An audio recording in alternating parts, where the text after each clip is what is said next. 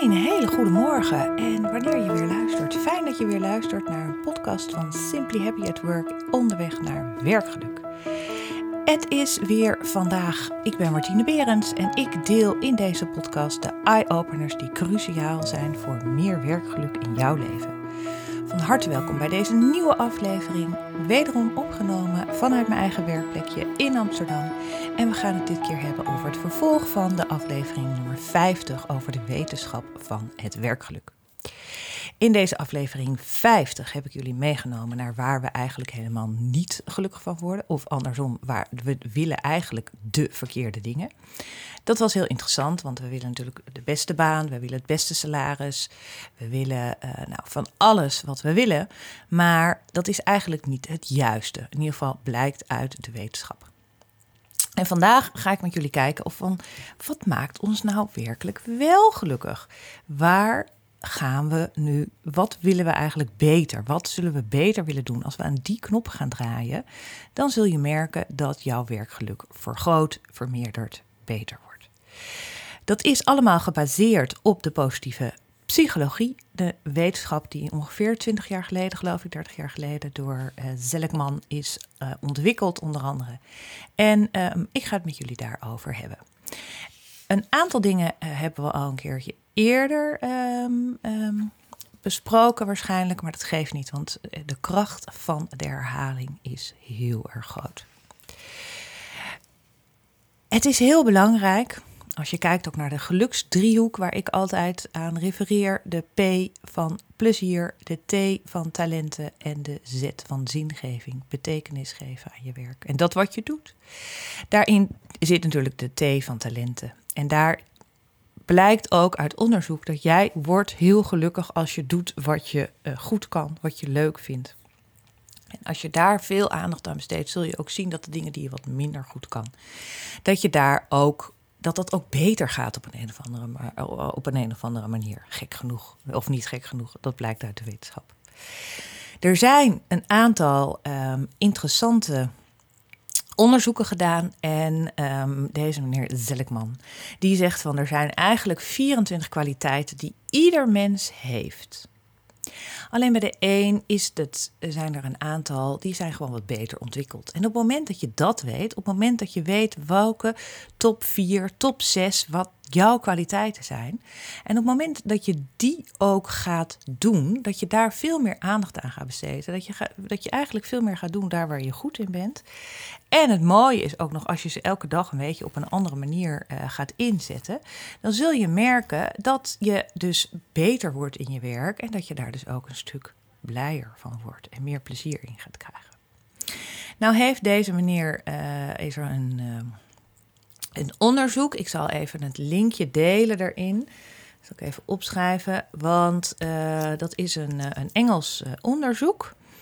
En um, daaruit kan je, zeg maar, als je dat doet, die, die test, dan komen daaruit de zes, um, nou de top vier, de top zes, wat ik net al zei, van jouw talenten.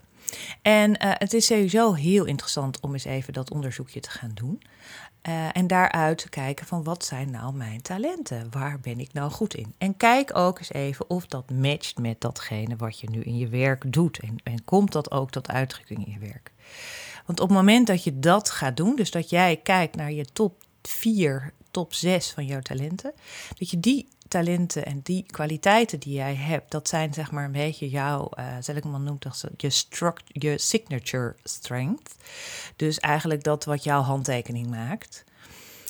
En als je daar veel meer van doet en daar veel meer in je werk ook terugvindt, dan zul je zien dat jouw productiviteit omhoog gaat. En ook veel meer je gevoel van betrokkenheid bij je werk en bij je werkgever. En dan krijg je ook een beetje, dat bij sommige mensen zie je wel eens een soort jaloers maken, dat die een soort missie hebben gevonden in hun leven of een soort passie van nou dit ga ik de wereld meegeven. En dat krijg je dus als jij veel meer werkt met dat waar jouw talenten liggen en uh, dat je dat ook uh, weet. En de truc is eigenlijk ook een beetje dat jij die talenten, zeg maar, elke keer weer op een andere manier kijkt hoe je ze in gaat zetten. Dus het als jij, een bekende uitspraak van Einstein, van als je ehm, deed wat je al, als je doet wat je altijd deed, dan zul je ook krijgen wat je altijd kreeg. Dus kijk ook eens of je het op een andere manier uh, kan inzetten. Nou, dat is dus wat te maken heeft met jouw talenten. Dat is een van de belangrijke knoppen waar je zelf aan kan draaien, zodat jij veel meer doet dat wat je doet met veel meer plezier. Dan hebben we nog een ander um, ding in deze wetenschap en dat is de flow. Daar hebben we natuurlijk alles een keertje een hele podcast over ge uitgeweid, heb ik daar van alles over verteld. Dus ga vooral ook die podcast nog eens even luisteren um, als je echt helemaal daar alles over wilt weten. Maar het is ook daadwerkelijk zo dat jij gewoon, als jij in een flow komt, dan betekent dat ook dat jij uh, dat, het veel, dat alles veel beter gaat, dat je je daar veel plezieriger in uh, bent. Dus het flow is ook zeg maar, het bereiken van een soort momentum in een activiteit waarin jij uh, je eigen talenten en ook een soort vorm van uitdaging. Je moet een beetje geprikkeld worden in dat wat je doet. En je duwt je daarmee uh, zeg maar vooruit zonder dat het een frustratie met zich mee gaat brengen. Dat is een, uh, het is, als je het zo beschrijft, is het best wel een heel fijn, dun lijntje. Maar als je die toch eenmaal uh, te pakken hebt, wauw, dan ga je ook gewoon echt werkelijk helemaal als een gek. Hè. Um, dus dat is ook eigenlijk altijd uh, heel goed. En daarin komt ook een beetje uh, de vraag van de, de, de, de, motivatie. Want op het moment dat jij op die, in die flow zit, heb, vraag je, stel je jezelf ook helemaal niet meer de vraag van waarom doe ik dit? Want dan is er bij jou een soort intensieke, intrinsieke motivatie ontstaan waardoor jij, waarom jij de dingen doet die je doet. En je bent niet meer geprikkeld door een extrinsieke motivatie, namelijk een beter salaris, een uh, promotie die je in het uh, vooruitzicht wordt gesteld, een bonus waarvoor je het doet. Weet je, dat zijn eigenlijk uh, niet de juiste motivatieprikkels. Hè? Want dan doe je het veel meer voor een ander in plaats van dat je het voor, voor jezelf doet. Nou, wat ook nog een hele belangrijke um, um, ding is om te kijken van hè, waar, waarin kunnen wij veel, waar worden we wel gelukkig van?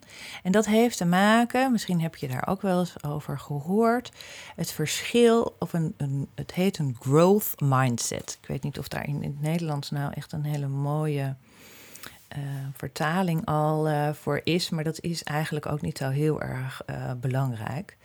Um, het gaat veel meer, zeg maar, over de growth mindset. Gaat veel meer, niet zozeer ben je dan gericht op het halen van een hoog cijfer, een hoog salaris, een promotie, dat soort zaken. Maar je bent veel meer gericht op hoe je daar komt. De weg er naartoe. Wat is dan het resultaat? En je hebt het tegenovergestelde van de growth mindset, is de fixed mindset. Daar zit veel meer focus op deze, deze, het goede salaris, deze nieuwe promotie. Um, en, en je vindt ook eigenlijk een beetje dat je daar niet hoeft, voor hoeft te werken, omdat het een beetje vanzelf moet gaan komen. En op het moment dat jij je best moet gaan doen, dus dat zit bij de fixed mind, op het moment dat jij je best moet gaan doen, dan heb je het gevoel dat dat niet zo goed is. En je verbergt eigenlijk ook een beetje jouw um, fouten en um, dat probeer je een beetje uh, te verbergen ook. En de growth mind is veel meer het geloof dat jij intelligentie echt wel kan leren. Het is niet zo dat, dat jij wat jij dat, dat, dat het allemaal zo'n soort van gegeven is. Uh, daar kan je best wel wat leren. En je kan ook de meeste basisvaardigheden, kan je zelf ook heel erg ontwikkelen. Door daar gewoon heel hard aan te gaan werken en daar heel dedicated voor te zijn. En het verschil dus ook als jij een growth mindset veel meer opzet, zeg maar, hè, dat is ook iets wat je bij wijze van spreken zelf ook kan aanzetten, is dat je veel meer kijkt op de weg van het bereiken van iets en niet zozeer op het resultaat. En dat je ook realiseert van hé, hey, als ik iets wil bereiken, dan daar, zal ik daar ook hard voor gaan werken. En hard werken is helemaal prima. Want dat betekent dat je steeds beter erin wordt. En dat heeft dus ook een. Weet je, als jij je hart even ergens voor moet inzetten, is dat niet zo omdat je dom bent. Maar meer dat jij gewoon uh, wil leren en dat je daar voor gaat inzetten. Omdat jij weet dat als jij gewoon hard werkt, dat het resultaat ook uiteindelijk zal komen. En je bent ook heel erg bereid om te leren van je fouten. Dus waar de fixed mindset die fouten een beetje wil verbergen, is de growth mindset veel meer van: oké, ik heb fouten gemaakt. Welke fouten heb ik dan gemaakt? Want dan kan ik daar weer van leren de volgende keer. Weet je, dan, dan maak ik weer andere fouten. Je ziet ook, zeg maar, als er testjes worden gedaan, dan gaat er iemand met een echte hele duidelijke fixed mindset, die kijkt ook heel erg van, ben ik geslaagd? Hoeveel fouten heb ik? En bij de growth mindset is veel meer van, oké, deze had ik niet goed, maar waarom had ik hem dan niet goed? En, en waar, waar zat het waarom ik het niet uh, begrijp? Dit is ook heel erg, uh, een heel leuk testje wat je kan doen. Um, ik ben een echte alfa, of in ieder geval, in ieder geval geen beta. Ik vond wiskunde ook echt heel... En er is laatst een keer een testje gedaan dat jij dus uh, een, een, een, vrij ingewikkelde, tenminste vond ik, uh, opgave kreeg voor wiskunde. En wat er dan gebeurt met je eerste gedachte als je die opdracht krijgt. Dat je denkt, oh my god, dat kan ik niet. Ik kan geen wiskunde. Ik heb nooit gekund. Wat een waarom moet ik dit doen? Wat een onzin. Ja, dat was zeg maar een beetje de oefening van deze test natuurlijk. Dat je, dus, dat, dat je jezelf daarop betrapt, bij wijze van spreken. En vervolgens was de opdracht, nou ga deze opdracht eens maken. En ehm, dan waren er twee uh, um, trainers die, uh, die daar rondliepen. En de één trainer die zei, um, die, die ging meer ook fixed mind complimentjes geven of opmerkingen aan jou geven. En de andere was veel meer van de growth mind. Die zeiden van, nou probeer gewoon, zet gewoon je eerste stapje, kijk waar hè, één en één optellen kan iedereen. Dus begin gewoon ergens. En die fixed mind zit heel erg van, let je op de tijd. En uh, weet je, dus die en dan op het moment dat je dus alleen maar, als je complimentje, als je dus aanmoedigingen krijgt die veel meer jouw growth mindset openzetten. Dus van, nou, begin gewoon, nee, nee, dit, dit, ziet er goed uit. Heel goed dat je dit zo uit elkaar trekt. Of heel goed dat je het onderscheid ziet tussen, dit zijn wel belangrijke. Hè, er staan natuurlijk altijd in zo'n wiskundeopdracht altijd onzin dingen, waarvan je, ja, dat, dat heeft er helemaal niks mee te maken. Dus dat je die, die scheidt van de dingen waar je wel wat mee kan, bij wijze van spreken. En probeer gewoon, ga gewoon eens een beetje, je hebt een paar van die van die, die uh, formules in wiskunde. Probeer ze gewoon eens. Kijk eens waar je, of je, waar je uitkomt. En, nou, dus dat is heel grappig hoe dat uh, werkt. En um, misschien zijn wij ook wel veel heel erg uh, opgegroeid met een fixed mindset. Dat is natuurlijk ook iets wat in de, in de neurologische wetenschap de laatste tijd wat steeds meer naar boven komt. Dat je hersenen zeg maar te trainen zijn. En, dat, en hoe je dan gaat trainen. Dus dat het ook, dat, dat zo'n growth mindset is ook echt wel uh, te leren. Dus dat is heel grappig. En bij zo'n growth mindset gaat het ook niet zozeer dus om, om, om, om je cijfers en om de resultaten, maar veel meer om, om de weg er naartoe. En dat jouw intrinsieke motivatie om, dingen, om nieuwe dingen te willen. Dat is gewoon heel leuk. Dat je gewoon steeds nieuwe dingen onderzoekt. Dus dat zijn eigenlijk een beetje de drie, dat zijn de eerste drie um, knoppen waar je zelf een beetje aan kan draaien. Om te zorgen dat jij de dingen doet waar je wel gelukkig van wordt. Dus ik herhaal ze nog even, zeg maar, dat jij heel goed inzicht krijgt in jouw talenten. Ieder, er zijn zeg maar 24 talenten die je kan uh, beschrijven. En, en als je zo'n testje doet, dan komen daar de top 4 of de top 6 uit. En kijk eens in hoeverre je die talenten die jij daar hebt, die daar naar boven zijn gekomen, in hoeverre je die veel meer kan inzetten of veel meer kan gebruiken in, uh, in jouw werk. Uh, we hebben het gehad over de flow, hè? dus het, het, het komen in een flow-status. Daar hebben we ook een uitgebreide podcast over, kan je daar ook nog eens wat over lezen. En ik heb jullie net wat verteld over de growth mindset tegenover de fixed mindset. Nou, nou komen er nog vijf punten die ik even iets korter wil uh, bespreken. Waar, dat zijn ook knoppen waar je aan, uh, aan kan draaien, zodat je zelf gelukkiger wordt.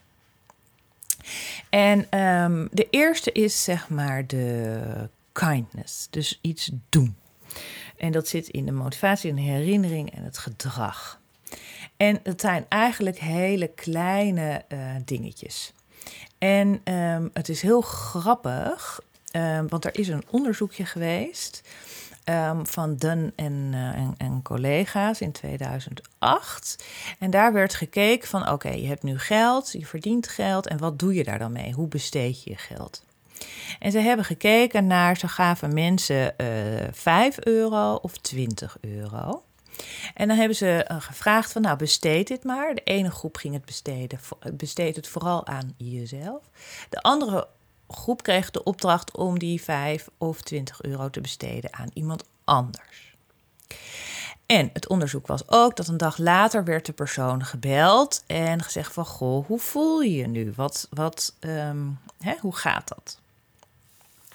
Nou, het resultaat daarvan is dat Ehm, geld geven aan iemand anders, besteden aan iemand anders, dat dat dus veel gelukkiger maakt. En ehm, het tweede punt wat daaruit voortkwam, is dat het eigenlijk niet uitmaakt of dat nou over die 5 euro gaat of die 20 euro gaat. En ze hebben dit onderzoek ook internationaal getrokken. Dus ze hebben daar niet alleen naar de West-Europese landen naar gekeken, maar ze hebben daar ook uh, Afrika bij betrokken. En ehm, het grappige daarvan is, is dat het onderzoek en het resultaat daarvan exact hetzelfde was. En dan moet je je ook nog eens een keertje voorstellen dat hier in Nederland kan je bijvoorbeeld van 5 euro iemand trakteren op een lekkere Starbucks of een uh, koffie en nog iets erbij, bij wijze van spreken. In Amerika of in Afrika kan je natuurlijk met 5 euro een heel gezin, zeg maar, uh, uh, schoon water geven hè, voor de komende maand, bij wijze van spreken. Dus dat die verhoudingen van die 5 euro zijn natuurlijk in die beide continenten totaal anders. Maar uiteindelijk maakt dat dus voor jouw geluksbeleving helemaal niet uit. En um, dat is dus interessant. Tenminste, ik vind dat heel erg interessant. Is dat dus het maakt niet gelukkig geld. Hè? Uiteindelijk is, is geld is een, is, een, is, een, is een middel en zeker geen doel. Um, maar je leert hier dus heel erg, dit is een heel grappig onderzoek, um, waarin dat dus heel duidelijk blijkt dat um, het heel belangrijk is dat, dat jij een soort, dat het een kindness, hè, dat jij, als jij, je wordt gelukkiger van iemand anders um, iets doen. Dus het is ook wel, je hoort wel vaak, dus heb ik ook wel als ik een beetje een slechte dag heb, denk ik, eh, het zit me allemaal tegen dingen. En dan ga ik de kapper bellen of dan ga ik uh, uh, de pedicure bellen of ik ga naar de schoonheidsspecialist. Ik ga iets voor mezelf doen. Uiteindelijk blijkt dus, als dat onderzoek helemaal doorvoert, dat als jij, zeg maar, bij wijze van spreken de pedicure aan een vriendin geeft, dat jij daar dus veel gelukkiger van wordt dan dat je het voor jezelf doet. Um, nou weet ik niet of ik dat nou zo uit moet gaan uh, testen. Maar het is dus gewoon, het, het is ook een beetje, daar, daar zit ook al de, de grappige, de intuïtie zeg maar voor jou zou zeggen van nou nee, ik ga het lekker aan mezelf besteden. Want ik ben nu, ik voel me niet zo oké. En ik, heb, ik zou het heerlijk vinden om even deze massage te hebben of deze gezichtsbehandeling of uh, met een paar vrienden de kroeg in te gaan, als dat weer mag. Um, maar dat blijkt dus niet zo te zijn. Dus jouw intuïtie daarin, de intuïtie die wij daarin hebben, als je dat gaat onderzoeken, dan is dat dus niet zo. Dus daarmee word je ook een beetje voor de gek gehouden door je eigen intuïtie. Want het is dus um, uh, veel belangrijker. Het, is, het is, geeft veel meer een gevoel dat jij, um, als jij het voor iemand anders uh, doet.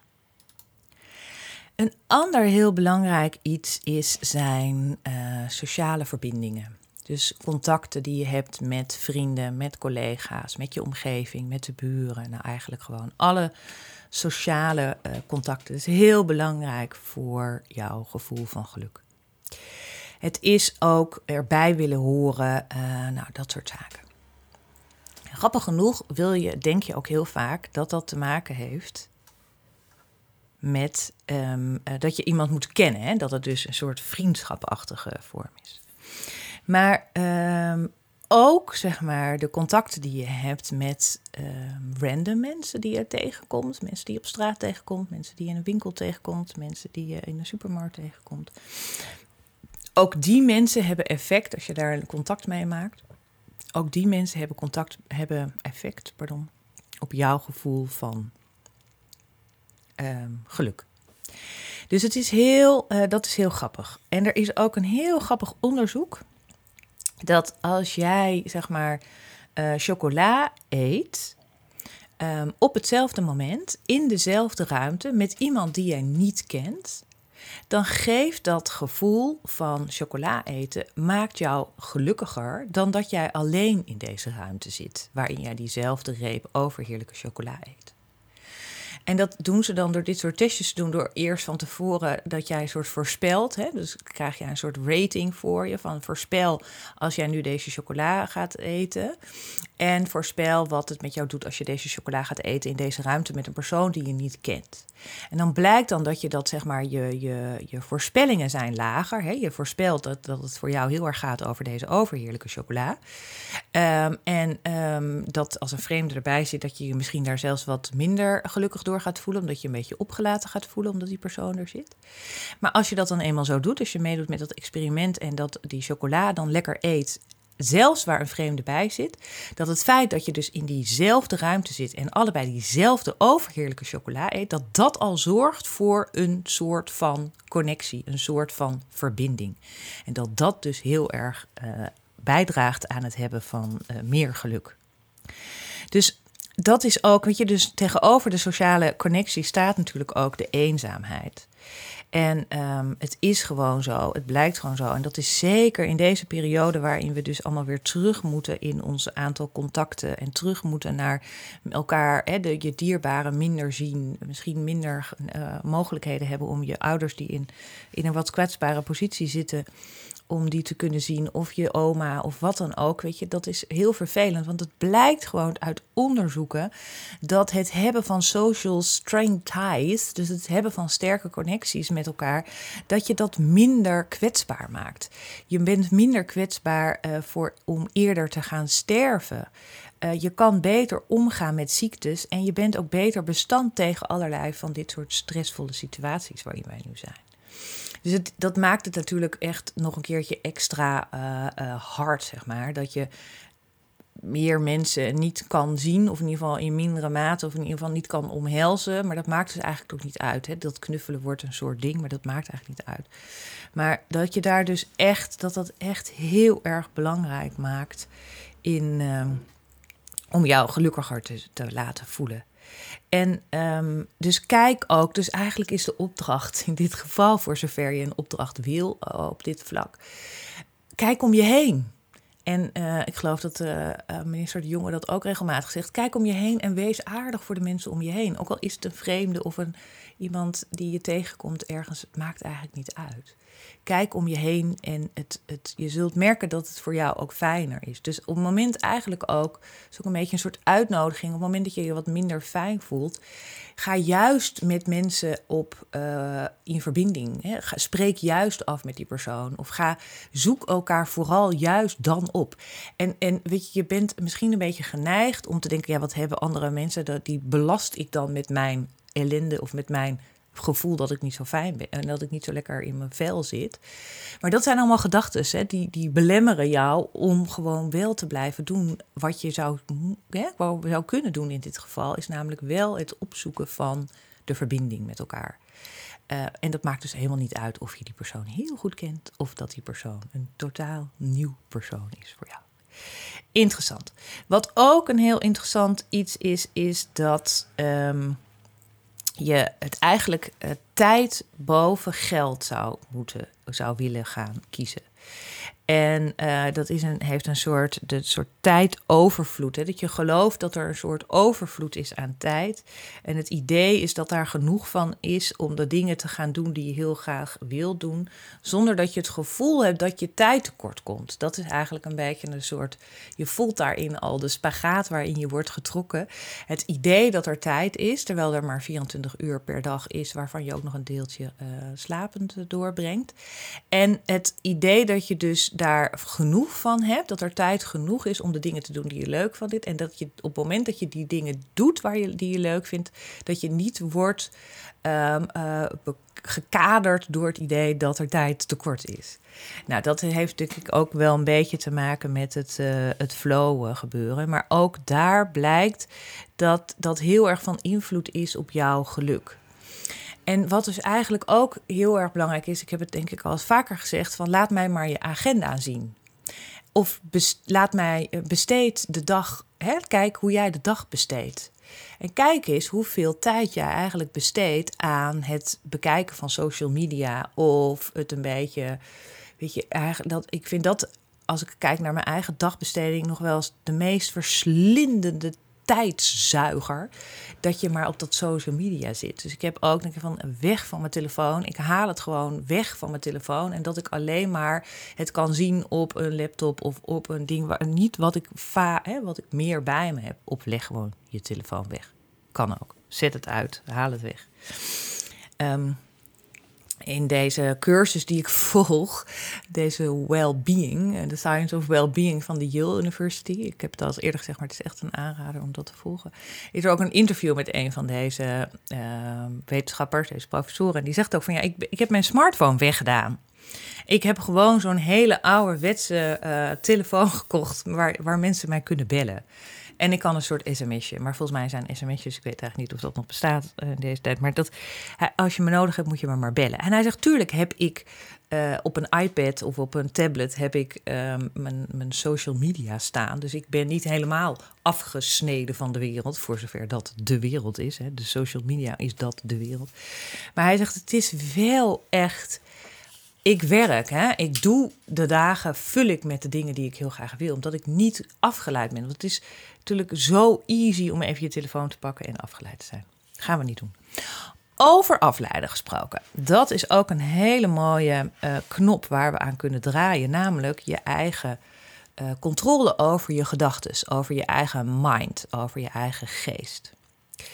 Het is namelijk zo, dat is ook nog wel echt een soort shocking getal, vond ik, dat op dit moment dat jij nu naar deze podcast luistert, is eigenlijk 46,9 procent, dus bijna 47 procent van de tijd ben jij met je gedachten niet in het nu. Dus 47% van de tijd ben jij, als jij ergens mee bezig bent, ben jij afgeleid en denk jij aan andere dingen. Dus dat is bijna de helft van de tijd. Dus moet je even, ik ben even stil, want ik laat even deze, dit getal eens even goed, zeg maar, kedeng op je doordringen. Dus we zijn de hele tijd aan het uh, mind wandering. Weet je, we zijn continu, onze gedachten zijn continu gaan de hele tijd heen en weer en uh, hebben elke keer andere gedachten. Nou, is daar een soort, kan je uh, hele neurologische hersenscans maken. En, en wordt dat helemaal onderzocht. En er is een soort, heet dat een default mode network van je hersenen.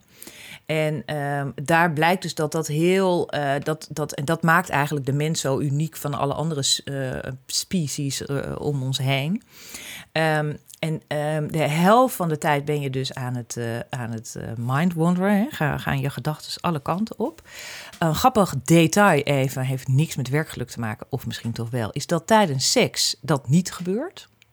Het is een van de weinige momenten waarin je compleet, als het goed is, helemaal gericht bent op dat wat je op dat moment aan het doen bent. Um, maar bij, eigenlijk bij alle andere activiteiten die je hebt, heb je dus, ben je continu met, aan andere dingen aan het denken. En op het moment dat je dus aan andere dingen aan het denken bent en van alles door je heen speelt en continu je gedachten meer van overal naartoe gaan, eh, maar overal en nergens naartoe gaan, dan heeft dat een totaal negatief effect op jouw geluk en op jouw well-being op dat moment. Is daar een oplossing? Ja, daar is een oplossing. Die oplossing is, heel, heel, is vrij simpel, maar je moet het wel even doen. En die oplossing heet meditatie. Elke dag 5 tot 10 minuten even mediteren. Het vergroot namelijk je grijze massa van je hersenen. Het vergroot het hebben van positieve emoties. Je hebt daardoor meer sociale verbindingen. En je resultaten, je scores, zullen hoger zijn. Vijf minuten per dag. Als je geen tijd hebt voor vijf minuten per dag, maak er dan tien minuten per dag van. Er zijn natuurlijk allerlei apps die je kan, waar, die je kan downloaden om jou even te helpen om zo'n meditatie te gaan doen. Het is in het begin waarschijnlijk even een beetje wennen. Je kan rustig naar je ademhaling gaan, je ademhaling tellen. Je kan een soort geleide meditatie krijgen waarin iemand jou er een beetje doorheen praat. Dat is in het begin zeker gewoon heel handig. En ik zou zeggen, doe dat ook gewoon. En het helpt dus om deze, dat die gedachtes in jouw hoofd, die alle kanten op gaat, om dat een beetje meer te gaan kanaliseren en te zorgen dat dat een beetje wat meer gestructureerd gaat worden. Als jij acht weken lang dat doet, een meditatie van 30 minuten per dag, dan zul je daar absoluut effect van zien. Je ziet, geloof ik, na drie weken blijkt uit de onderzoeken dat daar effect gaat komen. Dus het advies is eigenlijk, de uitnodiging is eigenlijk, ga elke dag mediteren. Doe het voor uh, vijf minuten, anders voor tien minuten. Begin, doe het gewoon. En hou ook een beetje in een agenda of waar dan ook, hou het een beetje bij maak een beetje een soort uh, tabelletje van dat wat je doet, hoe vaak je hebt gemediteerd, wanneer je hebt gemediteerd, hoe lang je hebt gemediteerd en ook wat het effect is geweest die dag. Want op het moment, en hoef je helemaal niet dat elke dag te gaan analyseren, maar hou dat gewoon eens even een week bij, hou het twee weken bij en kijk of je daarin een soort resultaat gaat zien, een patroon gaat zien. Probeer het. Vijf minuten op een dag, dat is toch in het kader van. Uh, dat de tijd, uh, dat de tijd in overvloed is, is dat toch een mooie, mooie gedachte. Er zijn allerlei meditatie-apps die je daarbij helpen. Dus download, zoek dat, stapje 1, zoek die, die eens even uit en uh, ga het gewoon proberen. Dan zijn er nog twee hele belangrijke dingen in het kader van uh, de geluksknoppen waar je zelf aan kan dragen, die meer te maken hebben met een beetje gezondheid. Hè? Dus die, jou, die jij in jouw gezondheid. Uiteindelijk vind ik dat um, uh, deze hele discussie over corona en COVID en de maatregelen en alles. Weet je, we zijn er nu uh, zes maanden bijna, zeven maanden mee onderweg. En eigenlijk is de vraag aan een ieder van ons: wat heb jij gedaan in deze zes tot zeven maanden aan jouw eigen immuunsysteem? Wat heb jij gedaan om te zorgen dat jij wat sterker bent geworden? Misschien ben je af gaan vallen. Heb je meer, ben je meer gaan bewegen? Heb je inderdaad wat meer meditatie gedaan? Heb je op je voeding gelet? Ben je meer gezonder gaan eten? Heb je meer zelf gekookt in plaats van dat je veel hebt maaltijden hebt afgehaald of uh, pakjes hebt uh, gekookt? En dat vind ik eigenlijk wel eens interessant. Hè? Dus we kunnen heel erg over uh, uh, corona denken in de vorm van onze, gezond, de, onze gezond, de, de gezondheidszorg en de economie. Maar uiteindelijk is het ook een beetje even naar jezelf de vraag stellen: van wat heb ik hier nu zelf aan gedaan om te zorgen dat mijn immuunsysteem en mijn gezondheid beter bestand is tegen deze COVID, corona, hoe je het ook wil noemen, dan zes maanden geleden, toen nog niemand ervan had gehoord goed. Twee dingen die je daarbij uh, zou kunnen gaan doen, die ook vrij simpel zijn. En ook gewoon absoluut effect hebben, blijkt uit alle onderzoeken die er uh, zijn gedaan. En dat is bewegen. Gewoon elke dag even, of nou ja, we gaan, hoeft niet eens elke dag. We gaan drie keer per week een half uur bewegen. Zoals ik al eerder zei, je hoeft geen niet te trainen voor de marathon. Het is gewoon even. Je hoeft ook niet te rennen. Je hoeft ook niet. Gewoon 30 minuten wandelen. Wandelen kan bijna iedereen. Als je niet kan wandelen, ga je fietsen. Doe je het iets langer. Um, er is gewoon een heel duidelijk verband tussen fysieke inspanning, jouw gezondheid en ook jouw hersenen, je cognitieve verbetering die het met zich meebrengt. Volgens mij is die Erik uh, Scheerder, Scheerder, Scheerder, die, die professor van brein, professor die ook vaak bij de Wereld Daardoor was, die heeft dat ook gezegd. En die zegt ook elke keer, het is eigenlijk helemaal niet zo heel simpel. We kunnen eindeloos naar dat brein gaan kijken en wat er allemaal gebeurt. Maar als jij gewoon drie keer in de week een half uurtje loopt, gaat wandelen, dan heb jij al enorm veel profijt ervan. Dus ik zou zeggen, wat let je en ga doen. Het tweede heel belangrijke wat jij zelf kan doen aan deze, um, om je immuunsysteem te boosten en te zorgen dat je wat meer weerbaarder bent, je weerstand verhoogt, is dat je slaapt. En het klinkt heel simpel, maar er is vreselijk veel slaapproblemen in Nederland. Als ik dat wel eens hoor, dan denk ik zo. Af en toe heb ik ook een slechte nacht ertussen zitten en ik merk meteen het effect als ik een slechte nacht heb. Acuut. En ik merk ook als ik een goede nacht geslapen heb, dan word ik anders wakker. En het is gewoon heel essentieel. Zeven uur per nacht. Slapen maakt je gelukkiger. Het is ook een hele simpele knop waar je aan kan uh, draaien. En het helpt ook in jouw cognitieve resultaten. Het helpt als jij goed hebt geslapen, ben je beter in je werk. Punt. Het gaat ook jouw creativiteit verhogen. En het is zo dat als jij, dus de andere kant van deze slaapmedaille, is als jij vijf uur of minder slaapt. Ik maak me wel een beetje zorgen momenteel voor meneer Rutte en de Jong en al die mensen die daarachter uh, achter de schermen werken. Vijf uur minder slaap, dat is slaaptekort. En dat veroorzaakt bijvoorbeeld allerlei ziektes als suikerziekte, diabetes, kanker, minder sperma, minder gezonde sperma, obesitas, hart- en vaatziekten. Nou, ik noem het allemaal maar op. Het zijn allemaal dingen waar, je, waar we met z'n allen heel ver weg van willen blijven. Want dat willen we niet. Dus besteed aandacht voor de komende week of twee weken, als ik weer terugkom met mijn nieuwe podcast, aan slaap en aan bewegen. Kijk eens of het jou lukt om drie keer per week te bewegen, een half uurtje. En kijk eens of het jou lukt om, elk, om zeven uur per nacht te slapen.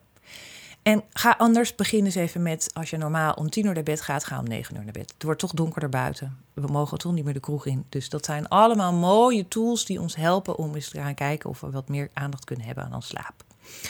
Ook qua meditatie heb je allemaal slaapmeditatie. Je kan allemaal yoga-oefeningen doen. Je kan ook gewoon je schermen uitzetten, geen koffie meer drinken en gewoon in je bed gaan liggen en slapen.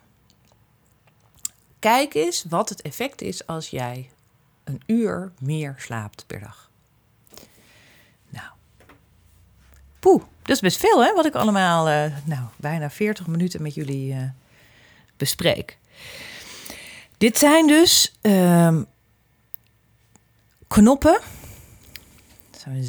Acht knoppen, als ik het goed heb geteld. Waar jij aan zou kunnen draaien om te zorgen dat jij gelukkiger bent. En de grappige daarvan is, is dat, dat, is heel, dat dat eigenlijk knoppen zijn waar we veel, waar we misschien niet in eerste instantie aan denken. Ik herhaalde ze net ook al even over de drie andere, de, de, de, je talenten, de flow en de growth mindset. En net hebben we dus even behandeld de kindness, dus het, het, de acts of kindness. Dus doe iets liefs voor een ander. Dat is, dat is een enorme boost, geeft dat aan jouw geluk. De sociale contacten, zoek ze op, zelfs met vreemden, dat helpt in jouw geluksbeleving. De tijd, het feit dat je tijd, dat je tijd veel meer verkiest boven geld. Dus in plaats dat je uh, een cadeautje koopt voor iemand, is het veel, veel meer effect op jouw geluk om tijd aan iemand te besteden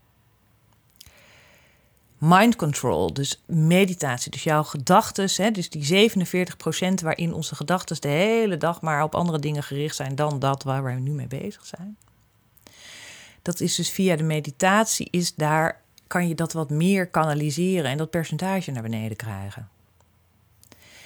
En um, een aantal gewone gezondheids tips. Heel simpel, maar wel ik denk van ja, weet je, we zijn nu zeven maanden onderweg met corona. We zijn nu zeven maanden, hebben we de tijd gehad om onze eigen weerstand te vergroten. En wat heb jij hier tot nu toe aan gedaan? Heel bewust ben je daarmee bezig geweest. Wees daar eerlijk aan over tegen jezelf. En er zijn twee tips dat je daar vanaf nu aan kan gaan werken. Drie keer per week een half uurtje gaan wandelen of een andere vorm van beweging. Kijk in je agenda, plan het in en 7 uur slaap per nacht. En als je zegt, ik heb een slaapprobleem, ik heb, lukt dat niet, dan gaan we weer naar de fixed mindset. Hè? Kijk dan wat je kan doen om daar wel beter in te worden. En kijk dan hoe het beter gaat om wel beter te slapen. Nou, super. Heel veel verteld, heel veel informatie, uh, ook wetenschappelijk bewezen. Nou, in ieder geval, ik wil jullie hartelijk danken dat jullie hebben geluisterd naar deze podcast. Vol met allemaal tips om aan die acht knoppen van happiness te kunnen draaien voor jezelf. Luister nog even naar de vorige uh, podcast over het plukken van het mooie veldboeket. Pak hieruit wat voor jou, wat jou aanspreekt. Hè. Ga niet met alle acht knoppen aan de gang, want dat, ga je, dat gaat het niet lukken. Uh, je kan mij luisteren via Spotify, Google Podcast, Soundcloud. Onderweg naar Hersenen en onderweg naar werkgeluk. Zoek daarop. Ik vind het superleuk als je de podcast luistert. Een review achterlaten wil ook altijd helpen. Want dan horen meer mensen hiervan. En dan kunnen we de hele wereld lekker op uh, werkgebied wat beter maken. Gelukkiger maken. Fijn als je wat laat weten. Als je een ander onderwerp wil horen waar uh, we het over kunnen hebben de volgende keer. Um, bij de bewustzijnsschool geef ik les. Daar kan je naartoe. 20 oktober ben ik er weer. Um, en dan kunnen wij aan de slag, live met elkaar, als de RIVM het allemaal goed vindt. En als Rutte en de Jong het allemaal goed vinden. Vooralsnog kan dat. Bewustzijnsschool in Amsterdam. One Fit Classpass. Je bent welkom, van harte welkom. En ik wil jullie super bedanken dat jullie weer helemaal hebben geluisterd naar deze podcast. En uh, tot de volgende keer. Dank jullie wel.